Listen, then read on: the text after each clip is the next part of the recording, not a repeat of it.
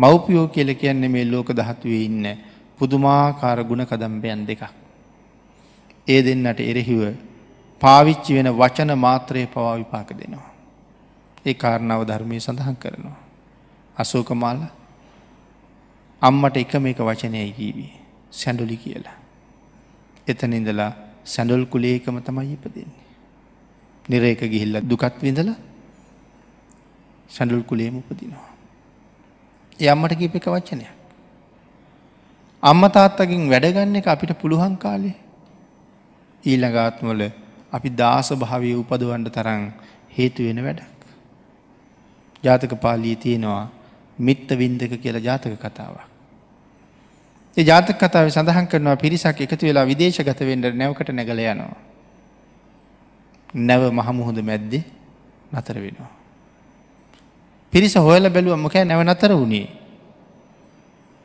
මොකක්ද තියෙන දෝසී හොයල බලහම නැවේ කිසිම කාර්මික දෝෂයක් නෑ.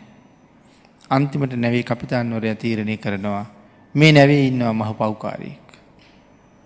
ඒ පව්කාරය අයිංකරුවොත් නැව යනවා කියලා. මෙගුළු හොයනවා පව්කාරයක් කවුද කියලා. හොයා ගන්නවා කවුද කියලා පව්කාරය. හොයාගෙන මුහදට අල්ලලා විසික්කෙ නෑ. කුඩා බෝට්ටුවක රංගලා ඔබ කැමති පැත්තක පලයන් කියලා පා කරලාරිනවා. එයා වැෑම බැස්වට පසේ නැවත් යනවා. දැන් අර අර බෝට්ටු වෙන කළ යන මොකක්ද මෙයා කරලා තියෙන පව සඳහන් කරනවා මෙයා ඇවිල්ල තියෙන අම්මට ගහලා. ඒකයි මේ පව මුහුද මැද්දට ගෙනියනකං ඉදලා එක විපාක දෙන්න හැතුවා. තැන් අරය බෝට්ටු යනකොට එයාට පේනවා මේ විමාන ප්‍රීතියෝ හම්බ වෙනවා. විමාන ප්‍රීතියෝ කියල කියන්නේ. ඒගොල්ලෝ දවල්ට දිවියංගනව්වාගේ රෑට ප්‍රේතලෝක දුක්කිදිනවා. සමහරකට්ටිය දවල්ට දුක්කිදිනවා රෑට සැපවිඳිනවා. මේ විමාන ප්‍රීතියෝ කියන්නේ එහෙමයි. මෙයට ඉස්සරලම ඒගොල්ලු දෙන්නෙක් හම්බ වෙනවා. හරි මලස්සනයි දිවියංගනාව වගේන්නේ. මෙයා ඒගොල්ලු ගාව නතර වෙලා ඒගොල්ලොත් එක සැපවිඳිනවා. මේ මනුසය කරගත්ත පිණුත් තියෙනවන්නේ. ඒ කුසල් මේ හම්බ වෙන්නේ. එතකට අර ප්‍රේතියෝ දුක්විඳින්න ලෑස්තිනට ගොල්ලු කියන අප එනකං මෙතෙන්ට ලයින්ඩ කියලා. ඒගොල්ලු යන්ඩ යනකොට මෙත් යන්ඩ යනවා. ආය යනකොට හතර දෙනෙක් හම්බ වෙනවා. ඒගොල්ලොත් අර විදිහට වෙච්චහම යනකොට මෙයට හය දෙනෙක් හම්බ වෙනවා. ඒගොල්ලොත් දුක්විඳිනයට මෙයා එතනි නුත් යනවා.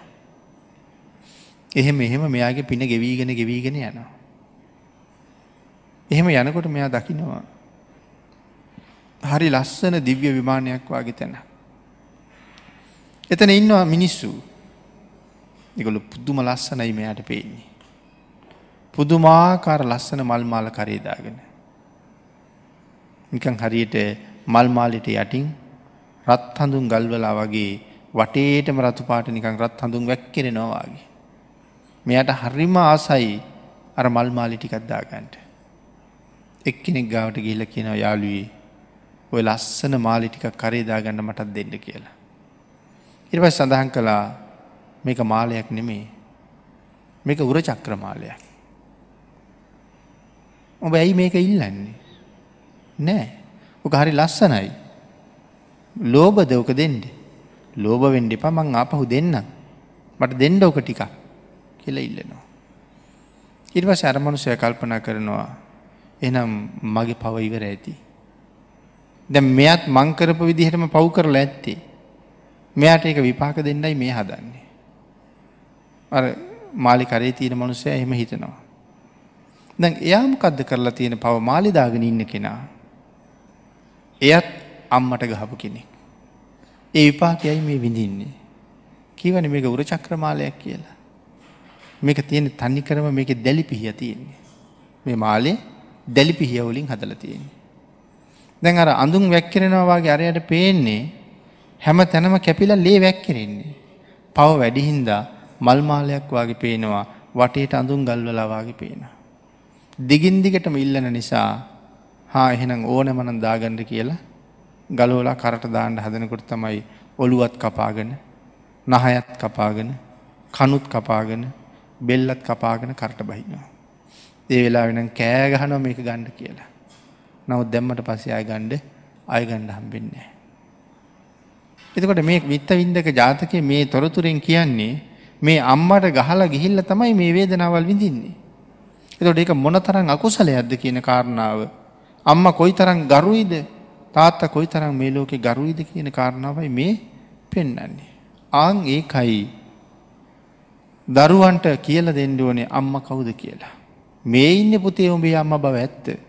නමුත් අම්ම කියල කෙන මෙන්න මේවාගේ චරිතයකට. අම්ම කියල කෙන අතීතයේ ඉඳල මෙන්න මේවාගේ පුදුම පුුණ්්‍යවන්ත කෙනෙකුට. ඔඹටත් මටත් සංසාරයෙන් එතරයන්ට මේ මග කියපු බුදු පියාණන් වහන්සේටත් උපත දුන්නේ අම්ම කෙනෙක්මයි. ආං එහෙම අම්ම ගැන කියලා තාත්ත ගැන කියලා ඒ දෙන්නගේ ගරු ගහම්බීර බව අවබෝධ කරවලා දුන්න හම ඒගොල්ලු මව්පියන් පිළිබඳව පිළිපදින ක්‍රමය වෙනස් වෙනවා. අදට වඩා ගෞරවනීය බවක් පෙන්න්නනවා.